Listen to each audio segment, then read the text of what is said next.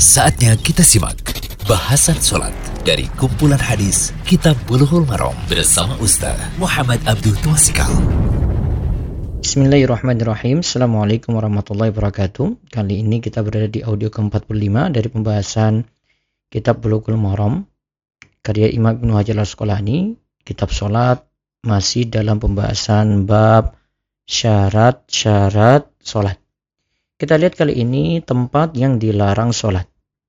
Hadis ke-215 Wan Abi Sa'idin radhiyallahu anhu ani Nabi sallallahu alaihi wasallam qal al-ardu kulluha masjidun illa al-maqbarah wal hammam rawahu Tirmizi wa lahu illatun. Dari Abu Sa'id Al-Khudri radhiyallahu anhu bahwa Nabi Shallallahu alaihi wasallam bersabda bumi itu seluruhnya adalah masjid tempat sholat kecuali kuburan dan kamar mandi diriwayatkan oleh Tirmidzi namun ada cacat di dalamnya. Secara lengkap hadis ini riwayat Tirmidzi, Abu Daud, Ibnu Majah, Ahmad. Hadis ini sesuai syarat Bukhari dan Muslim namun hanya berbeda dalam mausul atau kamursal. Yang mensesuaikan hadis ini adalah Syekh Ahmad Sakir, Syekh Al-Albani dan Syekh Abdul Aziz bin Bas.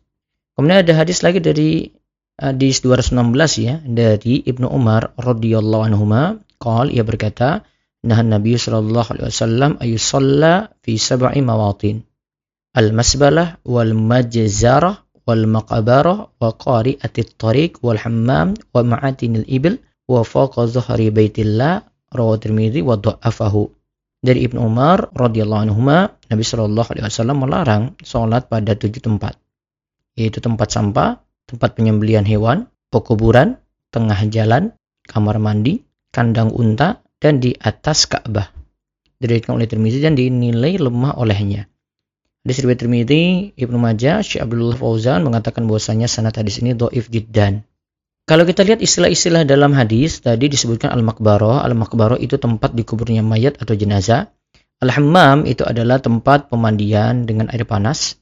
Lalu berubah lagi dengan istilah tempat pemandian umum dengan air apa pun. Al-masbala adalah tempat pembuangan kotoran atau tempat sampah. Al-majazara adalah tempat menyembeli hewan dengan cara zabah atau nahar. Zabah itu seperti menyembeli kambing atau sapi, kalau nahar itu menyembeli unta. Kemudian kori atau torik, yaitu tempat kaki berjalan melewatinya. Maksudnya jalan yang dilewati orang gitu. Ya, tengah jalan tadi yang diterjemahin. Terus ma'atinul ibil, yaitu tempat mendurungnya unta di sekitar telaga dan sumur berkembang maknanya jadi tempat kembalinya unta dan tempat ia bermukim yang berarti kita katakan itu kandang unta. Matinul ibil berarti kandang unta. Terus faqadhari baitillah artinya di atas Ka'bah. Faedah hadis yang pertama hadis Abu Sa'id Al-Khudri menunjukkan bahwa semua permukaan bumi boleh digunakan untuk sholat. Banyak hadis pula yang mendukung hal ini. Semua ingatnya, semua permukaan bumi itu boleh digunakan untuk sholat. Yang kedua, diharamkan sholat di area pekuburan. Diharamkan sholat di area pekuburan. Berarti sholat di situ tidak sah karena tempat ini jadi pengecualian dari seluruh tempat di muka bumi. Yang disebut makbaro adalah tempat dimakamnya jenazah walau cuma satu kubur. Yang ketiga, hikmah dilarang sholat di pekuburan adalah karena di situ disangka sebagai tempat najis. Karena di situ bisa jadi ada tanah dan nanah yang bercampur darah. Yaitu kita sebut uh, asodid ya dari jenazah ya atau nanah tadi digali bersama tanah. Ya, jadi ada sangkaan seperti itu ya. Namun yang tepat larangan sholat di pekuburan dengan adanya ruku dan sujud kan kalau sholat itu kan ada ruku dan sujud asalnya. Kita tidak bahas di sini sholat jenazah yang tidak ada ruku dan sujud ya. Karena itu masih dibolehkan kalau di pekuburan bagi yang belum sempat untuk menyolatkan dalam waktu dekat setelah penguburan gitu. Jadi yang tepat larangan sholat di pekuburan itu adalah karena sebagai pencegahan dari beribadah pada kubur. Ini adalah perantara terbesar menuju syirik. Yang perbuatan ini termasuk tersyabuh dengan orang musyrik. Yang keempat, boleh sholat di kubur untuk sholat jenazah karena belum sempat menyolatkan. Itu yang tadi saya sebut. Yang kelima, diharamkan sholat di hammam. Hammam itu tempat pemandian. Karena tempat itu adalah kediamannya setan. Atau jadi sangkaan ada najis. Sehingga kalau diyakini ada najis namun dibersihkan maka boleh saja sholat di situ. Sebagaimana ini dikatakan oleh Ibnu Taimiyah dalam Majmu' al-Fatawanya. Karena sudah bersih kan. Nah, kalau di hammam tempat pemandian saja tidak boleh, maka toilet lebih-lebih tidak dibolehkan karena situ dilarang zikir kepada Allah. Sedangkan atap kamar mandi atau bagian atasnya masih boleh digunakan untuk sholat. Jadi misalnya ada di bawah itu lantai ada toilet ya, di atas toilet ini ada kamar lagi, di atas kamar itu digunakan untuk sholat. Boleh-boleh saja.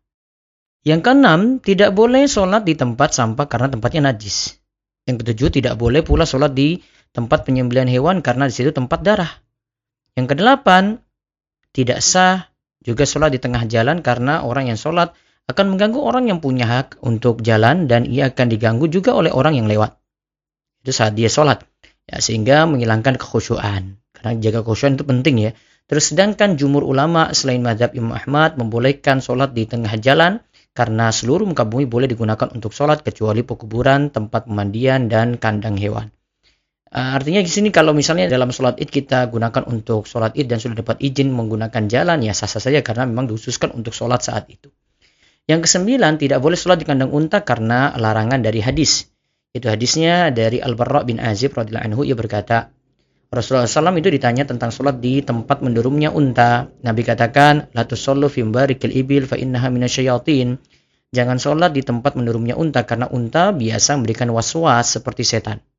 Lalu beliau ditanya lagi tentang sholat di kandang kambing. Nabi SAW itu menjawab, fiha fa innaha barokah. Tidak mengapa sholat di situ, ya karena kambing itu mendatangkan keberkahan. Hadis riwayat Abu Dawud, Tirmidzi, Ahmad, dan dikatakan sahih oleh Al-Habib Abu Tahir. Lalu yang terakhir, faedah ke-10, Syekh Abdullah Al-Fauzan menyatakan bahwa orang yang sholat di atas Ka'bah berarti sholat menghadap hawa atau udara di atasnya. Ya, sholat di atas Ka'bah itu sah atau sholat di tempat yang lebih tinggi dari Ka'bah juga sah. Jadi misalnya ada Ka'bah di bawah, terus ada tempat misalnya di lantai tiga ya di Masjidil Haram, ya itu sah. Dan ketika itu sholat yang di tempat yang lebih tinggi dari Ka'bah berarti menghadap sesuatu di atas Ka'bah.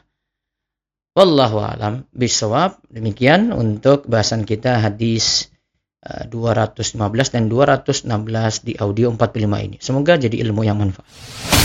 Demikian bahasan sholat dari kumpulan hadis Kitab Buluhul Marom bersama Ustaz Muhammad Abdul Tuasikal.